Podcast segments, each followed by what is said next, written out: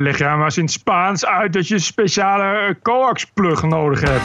This is the TPO podcast. Tekort aan politieagenten blijkt ook de schuld van Zwarte Piet. Zo gaat het in Nederland tegenwoordig. Als Zwarte Piet zijn op de publieke tribune en dan komt er 12 man politie. De Britse Labour-partij maakt van terroristen in een handomdraai dissidenten. dissidents rather than terror organizations. En de bonusquote komt van komiek Louis C.K. I left town for a while. I live in New York. I hate New York. Fucking hate it now. Aflevering 149. Ranting and Reason. Bert Bresson, Roderick Phalo. This is the award-winning TPO podcast. Op maandagavond 2 december. Decembermaand is begonnen. Hoe begint die op de Canarische eilanden, Bert? Nou, als altijd, een beetje warm. Wisselvallig, maar meestal warm. Eh, en dan eh, veel zonneschijn en nauwelijks regen. Beetje als alle andere maanden op de Canarische eilanden. Is dat dan iets ongelooflijk saai? Eh, nee. Ik Geen zo- seizoenen? Nee, ik haat seizoenen. Seizoenen betekent kou. Ik hou alleen maar van zomer, de rest. Nou, oké, in lente. Er is altijd één moment als je in Nederland woont dat het weer lente wordt. Dat je dat gaat merken. Dat is altijd een heel fijn moment. Dat heb ik dan niet. Maar je hebt wel een beetje iets seizoenen. Straks hebben we allemaal hetzelfde seizoen. Eh, vandaag is de klimaattop in Madrid begonnen. En dat een BNR-verslaggever daar een belangrijke vraag over had... dat was afgelopen vrijdag al te horen op de persconferentie van premier Rutte. Meneer Rutte, even over de klimaattop. Volgende week, aanstaande maandag, hè, geloof ik. Op maandag, geloof ik. Nou, dan weet je, als Rutte, dan moet ik op mijn hoede zijn. En dat moest hij ook, want dit was de vraag. Gaat u dan met de trein heen? Nee, ik ga vliegen. Nee. De treinen rijden op steenkool en ik ga dan vliegen. Dat is ook niet goed. Maar goed, je moet wat zeggen. De Ajax ging wel eh, voetballen met de trein. Dus dan dacht misschien- Wat zei je? Ajax ging wel voetballen met de trein. Naar Lille. Ja. Ja, omdat Ajax met de trein naar Lille gaat en omdat Greta met een zeilboot komt, moet de premier met de trein naar Madrid. Dat die hele klimaatdiscussie aan elkaar hangt van symboolpolitiek, dat weten we. En dat de journalistiek dat dient door te prikken, dat zou vanzelfsprekend moeten zijn. Maar dat verslaggevers meegaan in die symboliekpolitiek en niks anders kunnen bedenken dan gaat u wel met de trein naar Madrid? Dat is toch een godspe van de eerste orde. En een godspe, dat is een onbeschaamde brutaliteit voor wie het vergeten was. Ik vind het fijn dat je uitlegt wat een godspe is. Godspe is een, een woord wat je gewoon ook tegenwoordig niet meer hoort. Nee, ik vind het een mooi woord. Dus dan vind, ik- vind ik het heel goed dat je dat even uitlegt. Maar eh, ik, eh, ik, deze vraag was alleen leuk geweest bij Jesse Klaver of zo, weet je wel? Ja, Bij Rutte, ja, ik, ik, ik begrijp de grap ook niet zo. Het is ook niet zo'n. eh, voor Rutte is het ook nooit een issue. Dat is ook nooit iemand die heeft gezegd: van we moeten allemaal met de trein en minder vliegen en dat soort dingen. Bovendien is hij de premier, dus je kan moeilijk verwachten dat hij met de trein gaat. Ja. En vandaag ook op Twitter dan iedereen ha ha ha. Treinen rijden niet op steenkool. Nee, toevallig rijden de treinen wel op steenkool. Want waar moet de energie anders vandaan komen? Misschien Nou, niet voor kernenergie in Nee, Nederland. nou misschien in Frankrijk. En daar moet hij een heel stuk doorheen. Maar voor de rest in Nederland, België, dan gaat die, die trein, die, die treinen lopen gewoon op steenkool. Ik, maar, ja, ik begrijp, eh, ik begrijp de ophef ook niet. En ik begrijp dat is helemaal geen ophef. Het punt is namelijk, Bert, en dat is, dat is mijn ergernis. Laat ik maar gewoon meteen met de deur in huis vallen. Ik dacht ik, dat doe ik dan ook maar meteen. Maar het punt is dat het, het is allemaal al symboolpolitiek. Van Rutte, van Klaver, van iedereen. En de journalistiek moet dat doorprikken. Die moet vragen, waar gaat het over? Nee, wat doet een verslaggever op de persconferentie op vrijdag? Die gaat vragen, ja Ajax, die gaat ook met de trein naar Lille. Gaat u met de trein of met het vliegtuig naar Madrid? Ja, het is, ik vind het een slechte vraag. Eh, de nieuwe klimaatcommissaris Frans Timmermans die kreeg eh, zijn klimaatplannen niet op tijd af, omdat het formeren van de nieuwe Europese Commissie zo lang duurde. En daarom heeft hij een eerste schets alvast afgegeven bij de NOS, eh, zodat er toch ja, als nieuws kon het mee. Eh, en kon hij toch nog een klein rolletje spelen tijdens eh, de klimaattop in Madrid de komende 14 dagen. En ondertussen blijven eh, in Duitsland kerncentrales vervangen worden door bruin en door steenkool. En leunt het klimaatakkoord in Nederland vooral op biomassa. Dus ik zou zeggen, laat Greta maar lekker zeilen. En Timmermans maar lekker rekening rijden. En Rutte met de huifkar naar Madrid. TPO Podcast. In Den Haag was er vrijdag een steekpartij. Uh, wij kregen rond kwart voor acht een uh, melding van een steekincident hier uh, aan de Grote Marktstraat. daarbij zijn drie mensen gewond geraakt. En zij zijn naar het ziekenhuis vervoerd en worden daar behandeld aan hun verwondingen. we zijn hier ter plaatse een, een groot onderzoek gestart, zoals u, zoals u ziet. En we zijn op dit moment op zoek naar, naar een verdachte. Ja, en die verdachte die is gepakt en er blijkt een 35-jarige man zonder vaste woon- of verblijfplaats. En de drie slachtoffers, dat zijn drie willekeurige kinderen. Die zijn inmiddels weer het ziekenhuis uit. Lijkt mij een gevalletje verwarde man. Alweer? Ja, alweer. Het is heel raar. Hij had eerst een signalement en toen ineens niet meer. Nee, precies, ja. Ja, ja. Ja, nou goed. Het, uh, bedoel, de, de, de, echte details en misschien het eerste verhoor is geweest. Um, en misschien is het een verwarde man. Maar misschien dat er later nog meer uitkomt. Uh, in Londen. Is ook een verwarde man. Daarentegen, nou, behoorlijk verward. Um, een, een, te vroeg vrijgelaten gelovige, Oesman Kaan. Die twee willekeurige mensen doodstak en uiteindelijk werd doodgeschoten door de politie. Uh, beste oplossing, uh, daar straks meer over. Die aanslag die is opgeëist door IS voor wat het waard is. De Britse rechter die heeft in 2012 het hele land voor deze gast gewaarschuwd. Hij is gestoord en levensgevaarlijk, heeft hij gezegd. Wel nee, na zes jaar zal hij zijn lesje wel geleerd hebben. Vervroegd vrijgelaten. En met hem nog zo'n 74 andere exemplaren. Vervroegd. Oh. Erkende premier Johnson uh, dit weekend. Uh, hij was lid van een club gelieerd aan Al-Qaeda. Hij had uitgewerkte plannen om de Amerikaanse ambassadeur en Boris Johnson op te blazen. En daar was allemaal niks meer van over. Sterker, voor zijn veroordeling moest hij al helemaal niks van terreur hebben. I've been born and bred in England, in Stoke-on-Trent in Coveridge, and the older community knows me. And they will know you. If you ask them, they will know. Like these labels, what they put in on like terrorist, this, that. They will know. I, I know terrorist. Nee, man, nee. Zie je? Nee. Zie je? Zo kunnen we uh, de ISIS-strijders ook wel naar Nederland halen. Ja. Dat zijn ook allemaal geen terroristen. Nee. Iedereen weet wat een liefhebs het zijn, wat een betrokken community medewerkers. Geef ze gewoon een enkelband, net als deze ja. jongen, en laat ze vrij. Je zult zien dat het uh, er toch al, toch al uh, zo leuke multiculturele samenleving hartstikke ten goede komt. Uh, volgens mij is het waar we het langer over gaan hebben, deze podcast, is de de fijngelovigheid van uh, de autoriteiten in uh, met name West-Europa. Ik las vandaag uh, een column van Piers Morgan. En die schreef: ja, in, in Amerika is het gewoon zo dat op het moment dat je je verbindt aan een terroristische organisatie, krijg je levenslang. Punt. Ja. Niks vervroegd vrij, überhaupt niet vrijkomen. Dat is de prijs die je betaalt. Nee, in Europa doen we het anders. Ook in Engeland doen we het anders. er is een enorme obsessie met dat soort, dat soort vergiffenis. En, en, en so-called uh, mensenrechten. En begaan zijn met misdadigers en kansen geven. Ik weet, ik weet gewoon niet wat dat is. En dat zit gewoon door de hele, hele Europa zit dat heen geweven. Terwijl uh, in Engeland ze nog soms ook wel heel streng kunnen zijn keihard straffen, krijg je toch ook inderdaad precies hetzelfde als in Nederland. Dus inderdaad, hier heb je een enkelband, ga maar weer naar buiten. Miljoenste keer al, de miljoenste keer dat er, dat er een slachtoffer valt, of slachtoffers vallen, omdat uh, iemand weer eens vervroegd vrij is gelaten. Ja. En je ziet het nu ook weer in België. Dan krijg je weer die Dutroux, wat toch, toch een beetje een soort, soort, soort als, als een. Uh, als een duivel heel, bijna heel België heeft omgetrokken. En ja, gewoon weer vervroegd vrijlaten. Het lukt gewoon niet om die mensen, om die mensen een beetje adequaat te straffen. Jij noemt Dutroux, dat is iemand die in de gevangenis liefdesbrieven kreeg van Juist. vrouwen uh, die hem of wilden redden of opgewonden werden van uh, zijn daden. Uh, maar dat zit dus blijkbaar ook in meerdere, ook in andere mensen. Ik bedoel, dat, ja, dat, dat, dat gevoel van vergeving. Heel erg. En redden.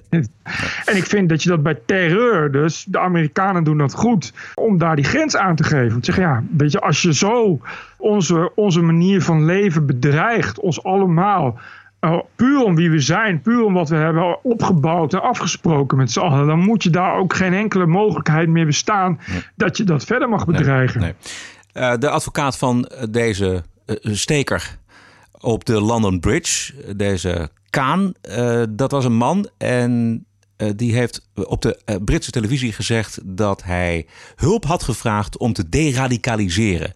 Ja. Hij zou hebben ingezien dat hij ideologisch fout zat. When Osman was arrested, he was a teenager. When he was sentenced, he was 19 years old. Um, in my interaction with him, he recognized that the underlying ideology that he held, which led him to this, um, to get convicted for a terrorism offence, it was wrong. It was flawed. He recognized that. He, and through discussion with him, I um, discussed with him the real prospect of engaging with an intervention provider, de-radicalizer, to move on from his current thinking. Ja. Dit zijn, dit zijn volgens mij gewoon mensen die precies weten hoe ze anderen om de tuin moeten leiden. Om, om daar een, een, een hatelijke en radicale agenda op het moment dat ze buiten zijn weer voor te zetten. En dat lukt ook. En Want, dat lukt dus. Want er zijn gewoon buiten de, de rechtelijke macht om, zijn er natuurlijk in de politiek en in, de, in het maatschappelijke veld voldoende useful idiots. Hè, die terroristen liever zien als eh, zielige mensen, eh, slachtoffers van hun omstandigheden. Nou, of- dissidenten zelfs. Er is een Labour-mevrouw, Diane Abbott. Ja. En die, die vindt eh, terroristen vooral dissidenten. Afgelopen maand zat ze bij de BBC luister. Shortly before 9 11, you voted against prescribing Al Qaeda as an organization. That was a huge mistake on your part, was it not? Had it had they taken out Al Qaeda as one thing, that would have been something. But you know, This is, a, this is a group of really dangerous organizations from all around the world, many of whom have killed a lot of people. Lashkar-e-Taiba carried out the 2008 Mumbai attacks, which killed more than 170 people. That was on the list. This was, a, uh, you know, no list is perfect, but it was a pretty good list, and you voted against prescribing those groups. because there were groups on that list which I deem to be dissidents rather than terror organizations. Ja, ja als je zo denkt, ja, dan, dan, laat, dan laat je ze vervroegd vrij.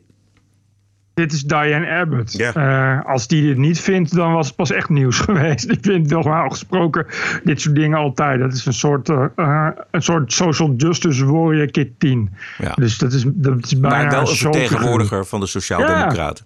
Ze zit gewoon bij Labour. Dus ze zal gewoon met eh, Corbyn regelmatig Joden. Oh, sorry, ik bedoel Zionisten haten. Hm.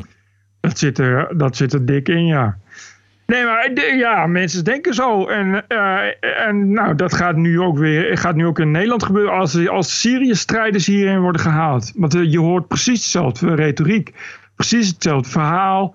Eh, maar goed, dat hebben we vanaf het begin af aangehoord. Vanaf het begin af aangehoord van er zitten geen, geen, geen ISIS-strijders tussen vluchtelingen. Want alle vluchtelingen zijn, zijn zielig, alle vluchtelingen zijn slachtoffer. Is hysterie hebben we gehoord. Uh, ja, zo gaat het maar door. Dus elke keer als je zo met zo iemand te, te, maken krijgt. En zo iemand wel of niet de vrijheid moet geven, krijg je te horen dat je toch vooral de vrijheid moet geven. Omdat je ze niet mag beoordelen op wat ze vroeger hebben gedaan. En ze gaan heus wel radicaliseren. En iedereen kent ze uh, in de community waar ze juist als heel goed staan. Ja, het is allemaal elke keer hetzelfde verhaal. En het is iets wat, wat, waar, we, waar we nooit meer vanaf gaan komen van, van die behoefte. Ja. Overigens, uh, er waren dus twee heroes die die man hebben overmeesterd. Voordat de politie die, die steken doodstak. Ja. Eén van die twee mensen was zelf uh, een gevangene op dagverlof. Ja, precies. Ja. Uh, sterker nog, dat is een gast. Die heeft 14 jaar geleden een willekeurige vrouw op brute wijze verkracht en vermoord voor de lol. En die heeft destijds levenslang gekregen en liep nu dus alweer vrij op straat. Ja. En dat is toch bizar om te horen, of niet? Ja, zeker. Die dus nu als hero wordt gezien nou ja, voor, het, voor, ja. het, voor het neerleggen van, van, van die steker. Ja, nou ja, vooral omdat toen nog niet bekend was wie hij werkelijk was. Maar het, is, inderdaad, maar het is wel ironisch dat wij ja. praten nu over hè, dat je mensen niet vervolgd moet vrijlaten. Aan de andere kant is deze man inderdaad vervolgd vrijgelaten. En uh, schakelt hij wel uh, deze gast uit. Als hij niet was vrijgelaten, dan was hij misschien wel niet uitgeschakeld. Ja, precies. Bedoel, en, en had hij, kun je het ook zien. Exact, had hij misschien wel vier of vijf mensen vermoord. Juist. Dus dat is dan weer de ironie van het nieuws, zullen we maar zeggen. Bij een vandaag hebben we uh, bij Hans-Jaap Melissen, die was in Syrië. En die was in de gevangenis in Hasaka, in het noorden van Syrië. Mm-hmm. En daar kwam hij Ibrahim uit Nederland tegen. Ik ben gewoon, daadwerkelijk ben ik naar Turkije gegaan. als een toerist en als een vakantieganger. En ik ben de grens overgegaan. Ik heb enkel mezelf beschermd. Wanneer een bom naast je komt vallen, dan duik ik op de grond. Dat is een vorm van jezelf beschermen. Ik ben niet iemand geweest die dus bijvoorbeeld een wapen tilt en uh, ervoor gaat. Ik wist niet eens wat een Yazidi was. Er werd mij uitgelegd wat is een Yazidi. En, uh, maar dat weet je nu en je weet dat ze als slaaf zijn uh, verkracht ook hè? door IS'ers. Um, wat vind je daarvan?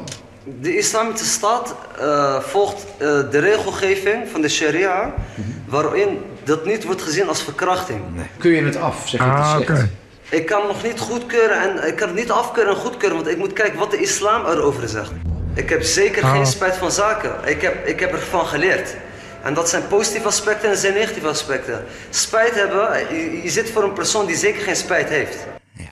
Een toerist, de Mhm. grens overgaan en eh, veel leren en geen spijt. En geen wapens tillen. Nee, geen, hij is niet de persoon om wapens te tillen. Bovendien houdt hij gewoon keurig rekening met wat de islam wil. Dus wat kan daar nou op tegen zijn? Ik zou zeggen, laten we Ibrahim zo snel mogelijk weer naar Nederland halen om hem hier te berechten. Zodat hij hier snel weer in de maatschappij kan integreren. En natuurlijk deradicaliseren. Maar daar hebben we gelukkig heel veel goede en succesvolle ervaring mee. Eh, ik, zou, eh, ik denk dat de Nieuwsuur nu al onderweg is. Dat kan bijna niet anders. Ja. Er staat ook nog een Belg, Abdella Noumane, als ik het goed uitspreek. Eh, zelf een van de beruchtste IS'ers uit België. En empathie heeft deze parel wel degelijk, want volgens hem vindt niemand het leuk om onthoofd te worden. Ik weet wel wat u bedoelt met de uh, onthoofdingen en al die toestanden. Dat gebeurt één keer in de half jaar, één keer in de zoveel. En het is gewoon in een huis. En die man is bedekt en ze maken een filmpje. Ze onthoofden die persoon. En ik ben net zoals jou. Ik word wakker, ik open internet. Oh, iemand is onthoofd, snap je?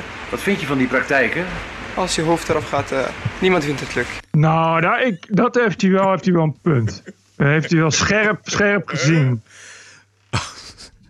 Dit is wel iemand met veel intelligentie. Deze kun je heel makkelijk deradicaliseren, denk ik. Die is totaal nooit meer vatbaar voor radicalisatie ook. Dat hoor je meteen. Nee. Hij begon zijn carrière bij uh, Sharia for Belgium. Oh ja. Vertrok in 2013 naar Syrië. En zijn moeder heeft hem ook gezien, want dat hebben we ook gezien op de Belgische televisie. Die zat met tranen in haar ogen naar haar zoon te kijken. En die gelooft helemaal niets van zijn berouw. Oh. Nee. Dat schiet wel. Ja, dat, dat is wel. nieuw. Ja. Uh, een paar jaar geleden nog stuurde deze Abdella dit bericht de wereld in. Alles gaat in de lucht in België. Ik zou wel zeggen sowieso bibliotheek, van school tot ziekenhuis, tot uh, winkelstraten, tot discotheken. Alles waar gewoon een ongeloof is. Alles gaat de lucht in. Bibliotheken, Oh. alles gaat de lucht in. Dat was zijn bericht vanuit Syrië. Ik neem aan dat hij nu alweer terug gaat naar België ook. Daar zullen toch wel voldoende Belgische BN'ers zich op de televisie en in de media sterk voor maken. Dat we ook deze verloren zoon weer in de armen moeten sluiten en de andere wang moeten toekeren. Ja. Dat kan bijna niet anders. Ja. Belgen zijn wat dat betreft net Nederlanders. Ja. Ik wou nog even naar een ander gevalletje. Het geval ja. Abu Hafs en burgemeester van Hilversum Pieter ah. Broertjes. Ja. Volgens NRC Handelsblad subsidieerde Broertjes tijdens de Ramadan een voetbaltoernooi van deze meneer Abu Hafs. Maar wat blijkt, afgelopen week is de heer Hafs opgepakt omdat het Openbaar Ministerie hem ziet als een van de grootste fondsenwervers voor islamitische staat. Zo zou hij ruim een ton cash geld hebben overhandigd aan IS. En bovendien is deze Abu Hafs een bekende radicaal-islamitische prediker die in 2014 nog sprak op de bekende demonstratie van IS-sympathisanten in Den Haag. Hoe naïef is de burgemeester van Hilversum in het bijzonder en hoe naïef is de overheid in het algemeen? Nou, de burgemeester van Hilversum, Pieter Broertjes, is de, vorige, de, de twee na vorige hoofdredacteur van de Volkskrant. En uh, toen uh, hij vertrok was de Volkskrant ineens... Oh, oh, nee, sorry, was het ineens een heel stuk minder links. Dus, en het is... Broertjes zegt een authentieke PvdA-burgemeester. Dus dit verbaast me helemaal niks. En volgens mij heeft het ook helemaal niemand verbaasd dit is iemand, broertjes, is iemand die ook echt oprecht gelooft dat je vooral heel veel subsidie moet spenderen aan leuk voetballen met de jongeren en dat soort dingen, dat het dan allemaal wel weer goed komt. Dat klinkt lachwekkend en enorm 1970, maar bij mensen als broertjes zijn dat soort denkbeelden nog springlevend. Ja. Wat je tweede vraag betreft, hoe naïef is de politiek? Ja, zeg het maar. Ja, ik bedoel, ja, nou ja, in ieder geval naïver dan de Amerikanen. Dat hebben we al vastgesteld. Um, misschien even naïef als de Britten, even naïef als de Duitsers. Maar er, uh, nog naïver dan sommige Nederlandse bestuurders is het mooie Zweden. Journaliste Nicky Sterkenburg die twitterde afgelopen week dat Zweden geen enkele wetgeving heeft om voormalige IS-terroristen te vervolgen. En dat minstens vier van hen na hun terugkeer van het slagveld en de slagbanken werken op scholen en crèches in Zweden. En dat, ja, en dat de Zweedse overheid nu overweegt om niet wetgeving in te voeren om die gasten te vervolgen, maar om die crashes en die scholen te sluiten. Ja, Zweden, ik, is, is, daar gaan we nog heel veel plezier mee beleven de komende jaren. Uh, momenteel uh, gaat Zweden gebukt onder een golf van, van zware bomaanslagen. Die vrijwel uitsluitend worden gepleegd door criminele clans. Uh, die vrijwel uitsluitend bestaan uit allochtone mannen. In multiculturele allochtone stadsdelen, die ook wel bekend zijn als no-go-zones. Uh, dat is zo uniek dat de commissaris van Zweden zich daar al meerdere malen heeft over uitgesproken. Namelijk om de wereld te vermelden dat dit zijn weerga niet kent. En dat dit uniek is. Uh, het resultaat daarvan is dat momenteel de Zweedse Democraten, wat de Zweedse versie is van de PVV, in de peilingen officieel de grootste partij is met meer dan 25 procent. Uh, en dat de sociaal-democratische premier van Zweden, daar hebben ze nog steeds sociaal-democraten die aan de macht zijn, je doet er niets aan, onlangs heeft gezegd dat al die criminaliteit en die bomaanslagen helemaal niets met afkomst heeft te maken, maar alles met de omgeving, uitsluiting en natuurlijk de armoede. Hij zei het echt in 2019 in Zweden, wat dus nu bekend staat als de enige, het enige land in de wereld waar zware bomaanslagen worden gepleegd door oncontroleerbare, niet meer in de hand te houden georganiseerde allochtone criminaliteit. Volgens de premier komt het allemaal door de armoede en moeten we vooral ophouden met daar de hele tijd de achtergrond van de daders te benoemen. Ja. Dus stel uit je winst. Ja, ik, heb, ik kan me nog herinneren, nog niet eens zo lang geleden, volgens mij korter dan een jaar geleden, dat ik nog wel eens een, een stuk in de krant heb gezien staan, volgens mij het Parool of, of, de, of NRC, Handelsblad, waarin Zweden als het voorbeeld werd gegeven van integratie. Mm Wilmer Hek van NRC Handelsblad vindt dat nog steeds sterker. Er zijn heel veel mensen die dat nog steeds vinden. Want Zweden is het grote sociaal-democratische gidsland waar het een fantastisch paradijs is. Tenzij je natuurlijk in de verkeerde buurt in Malmö woont. Dan kun je je auto niet echt buiten parkeren, zal ik maar zeggen.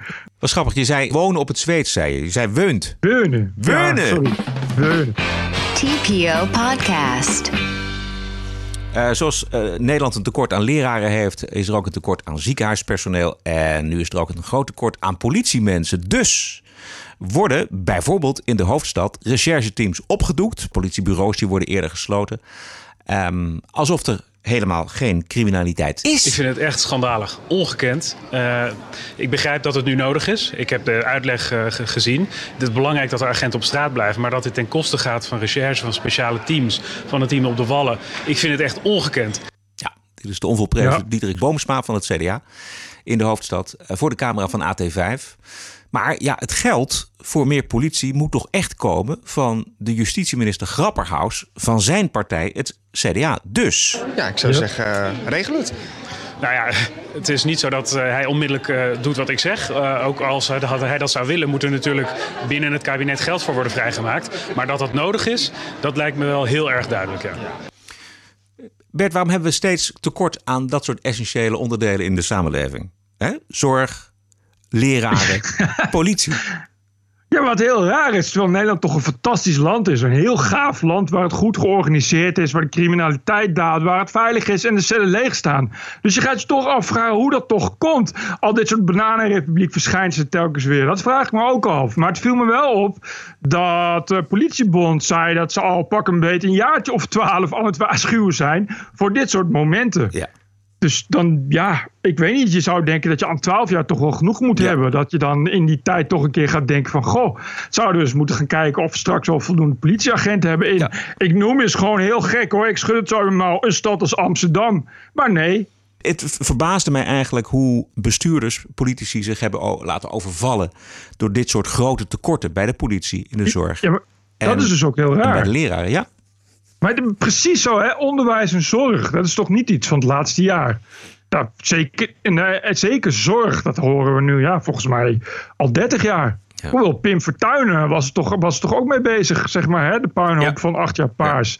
Tekort in de zorg, tekort in de veiligheid, tekort in het onderwijs. Het kan best heel ingewikkeld zijn. En je, je kan niet alles voorspellen. Ik bedoel, je hebt ook nog uh, conjuncturen. Je bedoel, je hebt... Maar ja, dit zijn natuurlijk beroepen die weinig met conjunctuur te maken hebben. Het gaat niet om bouwvakkers. Of het gaat niet. Om, hè?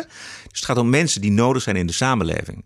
Ik heb een keer met Martin Sommer uh, gesproken van de Volkskrant. En die heeft het altijd over een uh, ad hoc politiek in Nederland. Dus de, de, er gebeurt pas wat. Mensen, politici komen in beweging. op het moment dat er echt een een probleem is. Zo zijn de deltawerken uh, gebouwd. Weet je, nee, maar bedoel, die dijken, dat was al honderden jaren bekend dat die zwak waren. Exact. En uh, er moest echt een flinke ramp komen voordat dan er beweging komt en de deltawerken worden gebouwd. Ik vind wel, ja, zoals nu met tekort aan politie, is wel echt serieus heel ernstig. In, in een stad als Amsterdam, waarvan uh, nu toch wel vaststaat dat de, wat was het, dat het breekpunt is bereikt qua georganiseerde misdaad. Ja. Dat je dan moet gaan zeggen, ik, ik heb al die speciale, ik heb die speciale recherche teams op, ja. waar echt een schat aan, aan, aan onschatbare waarde aan, uh, aan kennis en, en, en, en jaren werk verloren gaat. Dat is afschuwelijk. Dat is serieus heel ernstig. Ja. Dit is, dit, is, uh, dit is de manier waarop, waarop de misdadigers over de grond rollen van het lachen ja, natuurlijk. Die hebben, die hebben een fantastische week gehad volgens mij. En dan zou je denken, dan moet het toch eh, iets meer doorklinken van het alarm. Maar ook niet echt. Weet je, het is een soort, ja, nou we zullen eens kijken of we een, of, uh, of, uh, een evaluatiecommissie kunnen instellen of zo. Ja. Of we daar misschien eens over kunnen debatteren. Terwijl je echt denkt van nou... Ik zag dat er al burgemeesters waren die zeiden: we willen graag het leger. Ja, mag ook niet. Niet dat er een leger is, überhaupt om in te zetten. Maar zwart. Weet je, dus, dus het begint wel. Ja, ik begin, vind wel dat het een beetje heel erg samenhang nu begint te, te verliezen. Nou. En ik denk dat er, dat er heel veel burgemeesters zijn die dat ook wel een beetje aan het vinden zijn inmiddels. En toch toch leek het woensdag alsof er helemaal geen tekort aan politiemensen in Amsterdam was. Want op, op, de publieke tribune van de Amsterdamse gemeenteraad zaten een paar zwarte pieten. Nou, beste mensen, we zijn uh, de gemeenteraad geweest van Amsterdam. Nou blijkt uh, volgens de politie dat uh, Sylvane Simons zich bedreigd voelde omdat wij op de publieke tribune zaten. En nou zijn er 1, 2, 3, 4 politieauto's voor gekomen omdat wij hier op de publieke tribune zitten. Zo gaat het in Nederland tegenwoordig. Als Zwarte Piet zijn op de publieke tribune dan komt er 12 man politie. Ik dacht dat we juist een tekort hadden bij de politie. 12 agenten. Het is niet te geloven. Je kan echt voor als je iemand liquideert en onthoofd. Kun je nog geen twee agenten bij elkaar krijgen. Maar oh wee, als Sylvana Simons zich gekwetst voelt doordat iemand verkleed Goh, nou, tijdens de Sinterklaasperiode verkleed als Zwarte Piet op de publieke tribune zit. Twaalf agenten. Ik ben heel blij dat er ook nog een soort van, soort van uh, quick, quick response is bij de politie. Dat als het echt op aankomt, dat je dan ook echt de hele politiekorps, want dit was het hele politiekorps van Amsterdam, dat je die dan meteen op je dak hebt. En hoop is overal om ons heen aanwezig. This is the TPO podcast. Blijf even in Amsterdam, Bert. Wat enorm grappig stuk. Afgelopen week in uh, het Amsterdamse Universiteitsblad Folia. Het komt erop uh, neer in de kern dat wetenschappers de mond wordt gesnoerd door zogenaamde rechtse commentaren. Die er uh, verschijnen in het blad en op de sociale media.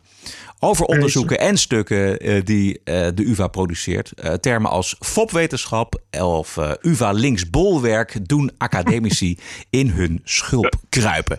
Bert, wat was er nou zo grappig aan dit stuk? Dat was helemaal niet grappig. Het was zeer ernstig. Sowieso, ik hou helemaal niet van humor. Hè? Om daar nou weer eens, dit nou weer humoristisch onderuit ja. te gaan schoffelen, dat doet alleen maar meer kwetsend. Ja, wat is er grappig aan dit stuk? Je weet, ja, het, het, er is gewoon, is gewoon niets aan de hand. Die, die wetenschappers, en het gaat om inderdaad linkse fopwetenschappers, die produceren poep als dat ze hebben onderzocht dat honden ook racistisch en seksistisch zijn. Want dat nemen ze over van hun baasje. Ja. Nou, dan zijn er dus journalisten die schrijven dat dan op in, in, in dat Amsterdamse uh, foliablaadje. Nou, die zetten dat er dan neer als, neer als kop. Ja, en dan zijn er sites als Geen Stijl en TPO en mensen op Twitter, die moeten daar dan om gniffelen. Nou, en uh, die zeggen dan, goh, wat een linkse fopwetenschapper. Haha. Nou, en dat is dan allemaal heel erg voor die wetenschappers. En die wetenschappers zeggen dan, nou, ik denk dat ik voortaan de media maar ga mijden. Overigens stond er ook nog uh, een docent in die wel interessante dingen zei. Die zei, ja, ja, je loopt natuurlijk het risico in deze DNH dat mensen uh, in je collegezaal een foto maken en dan dat stuk twitteren en dan is het uit de context verdwenen. Maar ja, dat hoort er een beetje bij, dus die kon het nog wel relativeren. En dat is natuurlijk ook zo. Weet je, en, maar het gaat helemaal nergens over. Het, het, ging ook echt alleen maar over mensen die uh, ja, ja, fopwetenschappen worden genoemd. Oei, nou, Vreselijk. Het is maar goed dat we niet twaalf man politie op ons dak hebben gekregen. Dat zal dan de volgende keer wel gebeuren. Ja. Weet je, maar ja, natuurlijk zeggen mensen iets terug. Maar dat is, dat is de hele kern van waar we in leven. Dat is nooit anders geweest. Het is jarenlang altijd zo geweest dat alleen links iets terug mocht zeggen. En alleen de fopwetenschappers zelf en het volk geen mogelijkheid had om iets terug te zeggen. En dat hebben ze nu wel. Dat is uh, ook nog eens een keer met een megafoon-effect. Keer 10 miljoen in de open riolen van Twitter en Facebook. Dus zeggen ze dat 10 miljoen keer per dag. Ja, tja, misschien moet je het allemaal dan niet gaan lezen als wetenschapper. maar er is echt nee, geen dat, reden dat, om... nee, dat, ja, dat, dat vraag ik me ook altijd af. Waarom zou je al die comments lezen? Ja, le ja dat, ik snap dat gezeik Nee, over die comments nee, ja. Lees het dan niet. Denk je dat ik... Nee, als Pritstift een stuk voor mij... ah, dat ik afscheid neem van Facebook op, op geen stijl... zodat ik dan al die 385 Nou, geen stijlreaguurs ga lezen. Denk je dat ik niet helemaal goed ben Ja. met mijn hoofd... Ja. en zelfmoord wil plegen of zo? Weet je, lees het dan niet. Maar dit zijn wel altijd dezelfde wetenschappers... die zo ijdel zijn en zo'n groot ego hebben... dat ze dag in dag uit op Twitter willen zitten. Maar oh wee, als, als anoniem, anoniem Nederlands vlaggetje... je fopwetenschapper noemt. Oei, oei, oei, dan moeten we de safe space in. Ja. Dus, dus het was een vrij lang stuk inderdaad. En het eindigt dan met eh, het bezoek van Jordan Peterson. Eh, dat kun je misschien nog wel herinneren. Vorig jaar oktober Ja. was die Canadese professor Jordan Peterson uitgenodigd door studenten van de, van de UvA. eh, om ondervraagd te worden in dat programma Room for Discussion. Ik leg het even uit voor de mensen die het, die het niet weten. Hij zou dan in debat gaan met studenten in het publiek. Nou, dat is ook gebeurd. Maar er kwam een lijst met 80 academici die het onverantwoord vonden om Peterson alleen daar uit te nodigen. En die wilden dus dat er iemand bij kwam zitten. Nou, dat is uiteindelijk niet gebeurd. Even een voorbeeld van hoe gevaarlijk en extreem rechts Jordan Peterson is. Hi, Jordan. Uh, my question is what is the antidote towards toxic masculinity? Well, the, the antidote is responsible masculinity. And, and what does responsible mean? It means, well, if, if you're responsible, then you're trying to do, um, you're trying to do what's honest first. So you're careful with your speech and your actions. You're careful with your speech in that you don't say things that you know to be false. And you're careful in your actions so that you don't have to lie about what you do. That's a good start. And then the next thing would be that you're capable of taking responsibility for yourself, at least, so that once you're an adult, no one else has to bend over backwards to ensure that you don't unduly suffer in the world. And so that's responsibility for yourself. And then if you get halfway good at that, well, then, you know, you might think about taking on the responsibility of a family and contributing to your community and doing all those things in a harmonious manner. Dit is levensgevaarlijk, Bert. Puur fascisme. Dit is extreem rechts. Nee, dit moeten we niet willen op zo'n prachtige universiteit als de UvA. En dan schrijft een beetje Folia... Een aantal mensen is door Room for Discussion benaderd... om naast Jordan Peterson te komen zitten. Ze hebben allemaal geweigerd. Niet omdat ze het niet wilden... maar omdat ze weten dat ze daar nog een maand of langer last van hadden gehad. Dat er met modder gegooid zou worden. Ja. En dat ze wel belangrijker dingen te doen hadden... voor studenten en de maatschappij. Ja. Vooral dat Ja. laatste. Ja, je moet ook niet willen dat er met modder wordt gegooid. Dat je, eh, dat je je hoofd zomaar ergens dan bovenuit steekt. Vreselijk. Je moet er niet een maand lang, een maand lang dat mensen iets van je vinden. Nee, ik zou er ook eh, voor tekenen. Ik kruip liever altijd gewoon in mijn schulp en laat helemaal niets van mij horen. Want stel je voor dat mensen daar toch iets op vinden.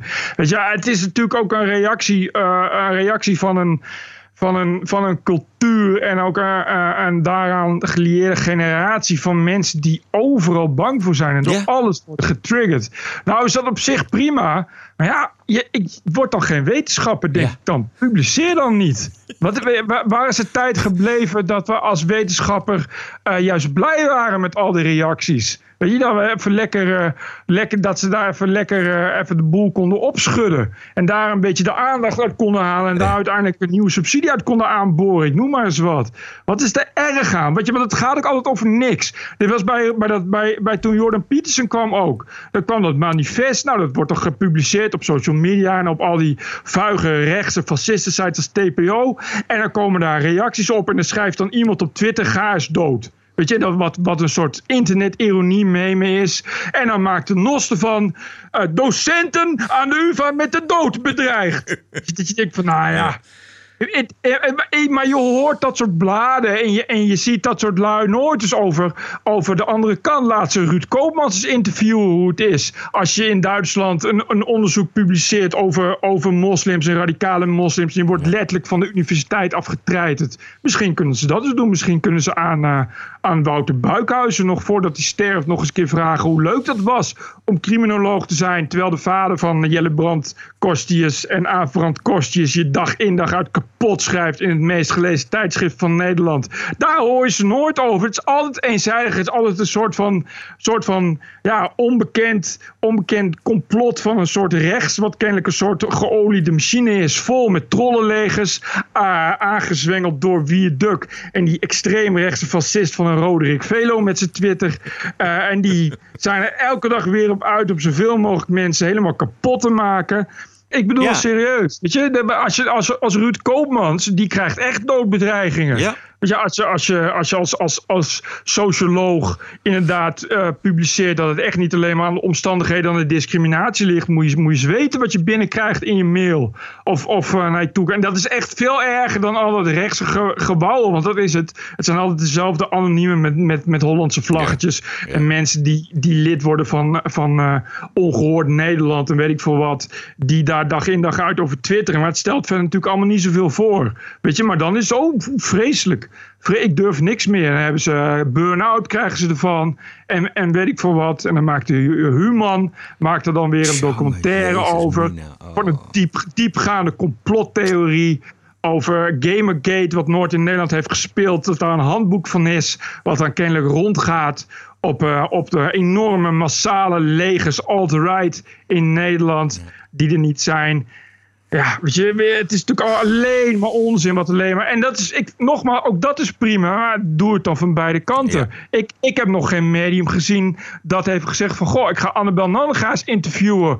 Eh, hoe die seksistisch wordt bejegend. Dag in, dag uit, al jarenlang. Nog nooit. Nul. Weet je, als je drie keer een tweet stuurt naar een vrouw, eh, wat toevallig ook een zwarte vrouw is, dan komt eh, die, die, hoe heet die, Toko, die, die vakbond van journalisten al in het geweer over hoe verschrikkelijk het is, de toxische sfeer op internet. Want als je vrouw bent, dan word je alleen maar seksistisch kapot gemaakt. En dan moet je een eh, goede beurt krijgen. En het gaat alleen maar over je uiterlijk. Nou, dan moet je zien wat voor een tweets Annabel Nanninga krijgt. Het gaat alleen maar om de uiterlijk. En niet alleen door anonieme mensen met vlaggetjes hoor. Dat zijn gewoon mensen met naam en toenaam die lid zijn van D66 en GroenLinks. En dan gaat het niet alleen over de uiterlijk, maar ook nog eens een keer dat ze zo snel mogelijk naar beneden moet vallen en voor een tram moet struikelen en weet ik veel wat. Daar heb ik nog geen medium over gehoord, nog helemaal niks, noppes, nada. TPO Podcast. We gaan natuurlijk ook nog naar Amerika. Maar eerst een update uit Gorkum. Ranting and Reason. Vandaag werd bekend dat nog tien jongeren gearresteerd zijn. Een heel gemeleerd gezelschap. Echt, echt, echt niet alleen getinte jongeren. Drie jongeren die blijven langer eh, vastzitten omdat ze verdacht worden van een poging tot doodslag. En we hebben ook allemaal gezien hoe die jongen die op de grond lag getrapt en geslagen werd en hoe er op het hoofd van de jongen werd gesprongen. Daarom dus poging tot doodslag. En wat zei die deskundige in NRC Handelsblad nou ook alweer vorige week? Die UvA-socioloog Don Wenink. Die zei... De publieke verontwaardiging over de filmpjes is groot... maar de heftigheid van de reacties is helemaal niet in proportie... met de heftigheid van het geweld. Hij slaat het, hij slaat het slachtoffer niet heel hard. Volgende keer toch beter kijken, Don Wenink. Goh, hoeveel zitten er nu vast? Het zijn wel heel veel eh, jongeren van een gemeleerd gezelschap. Ja, er zitten er nu 13 vast. Een heel gemeleerd gezelschap. Echt, echt, echt niet alleen getinte jongeren. Een gemeleerd gezelschap. Doei. TPO Podcast. We gaan eh, waarderen en eh, doneren. Er is best wel weer aardig gedoneerd deze week. Hartelijk dank. Daarvoor. Ook iedereen die dat anoniem gedaan heeft. Toch hebben er weer een aantal mensen wat uh, berichten achtergelaten op uh, het bekende, inmiddels beroemde uh, e-mailadres info.tpo.nl.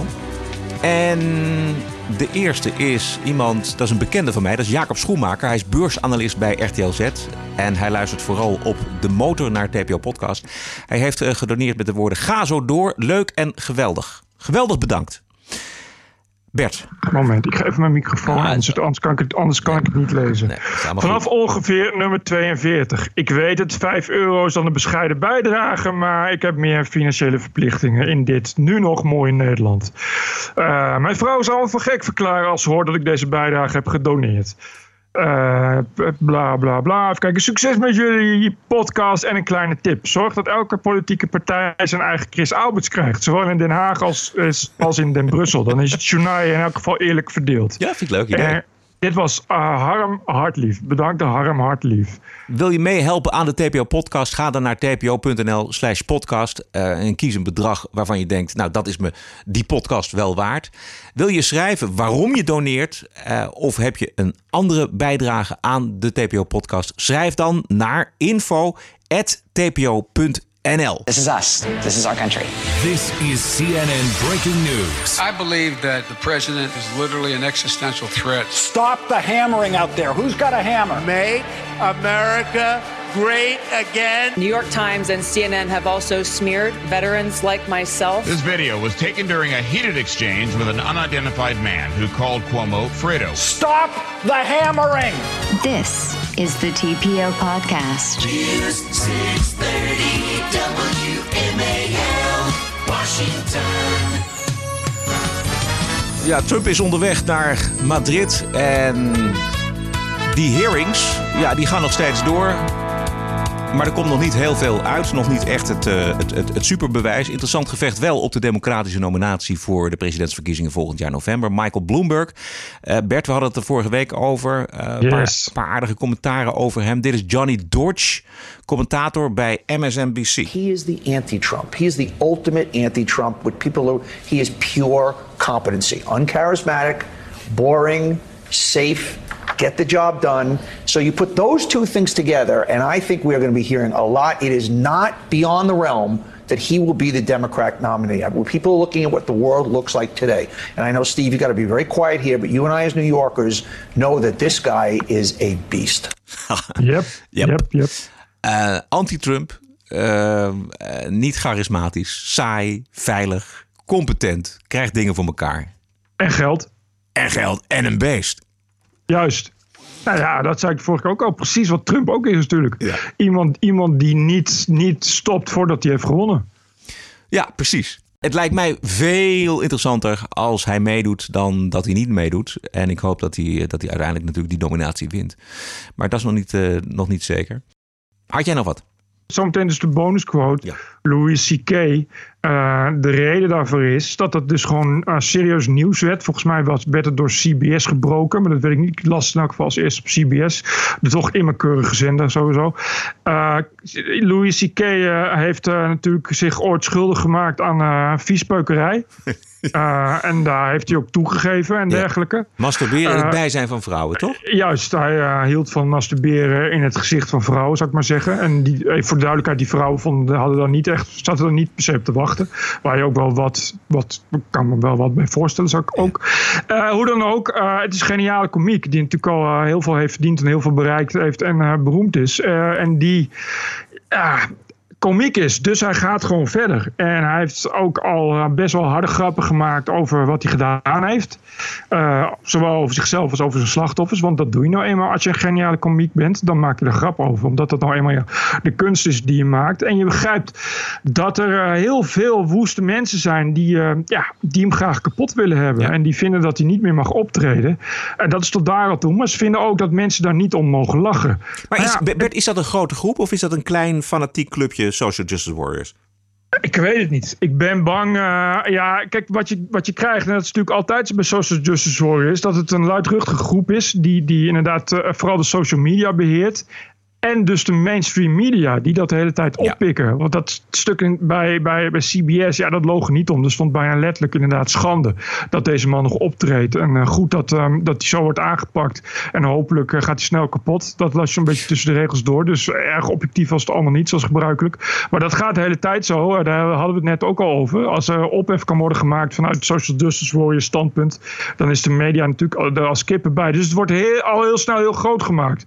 Terwijl die groep meestal best wel klein is. Ja. Dat, dat zie je echt, echt toch de hele tijd uh, zie, je dat, zie je dat zo gebeuren. Je ziet het ook uh, bijvoorbeeld met filmrecensies. Je zag het bijvoorbeeld bij Joker.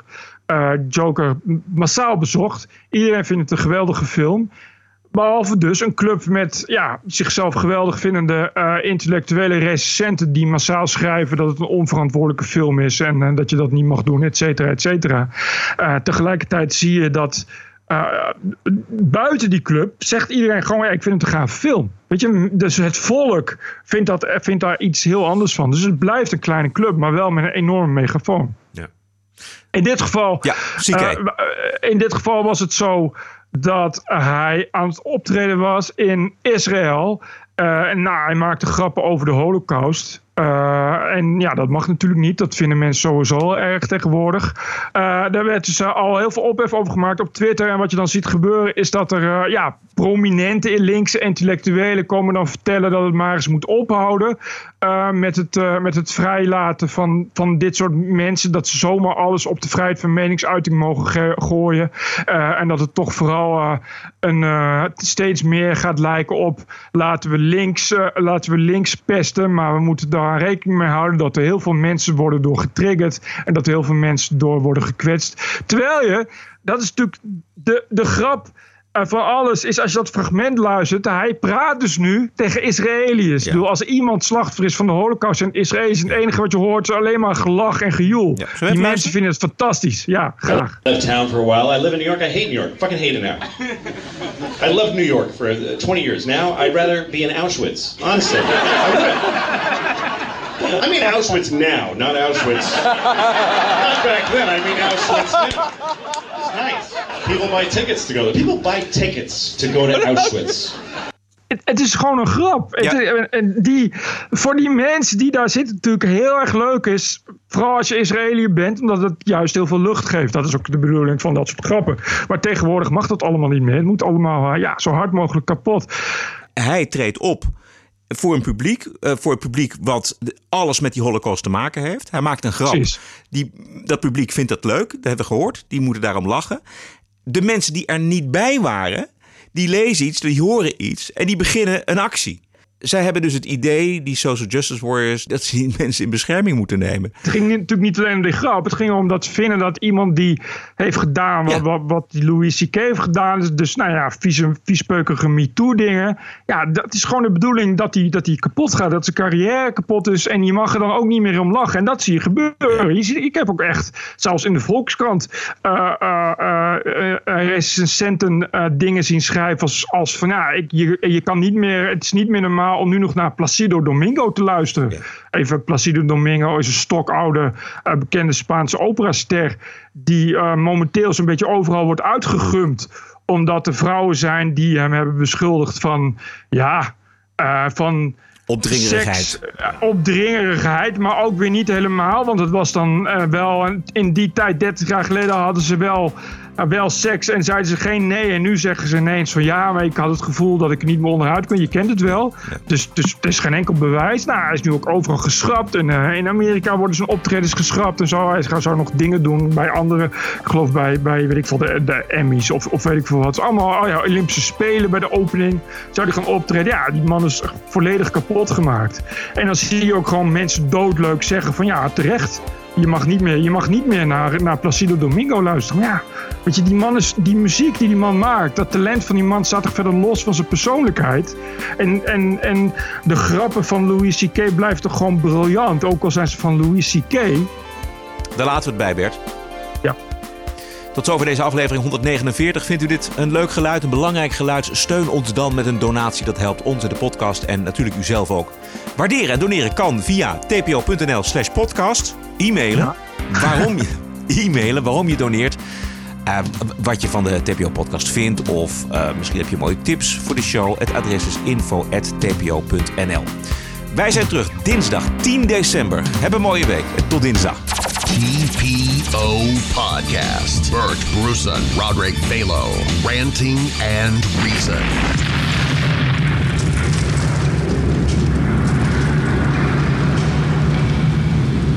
Wij blijven ook gewoon terugkomen, omdat het gewoon mag. En kan. En dus doen we het. Tot. Ongeacht wat iemand daarvan zegt. Juist. Podcasting is the TPO podcast in the Netherlands. Bert and Roderick. What a show. I'm telling you.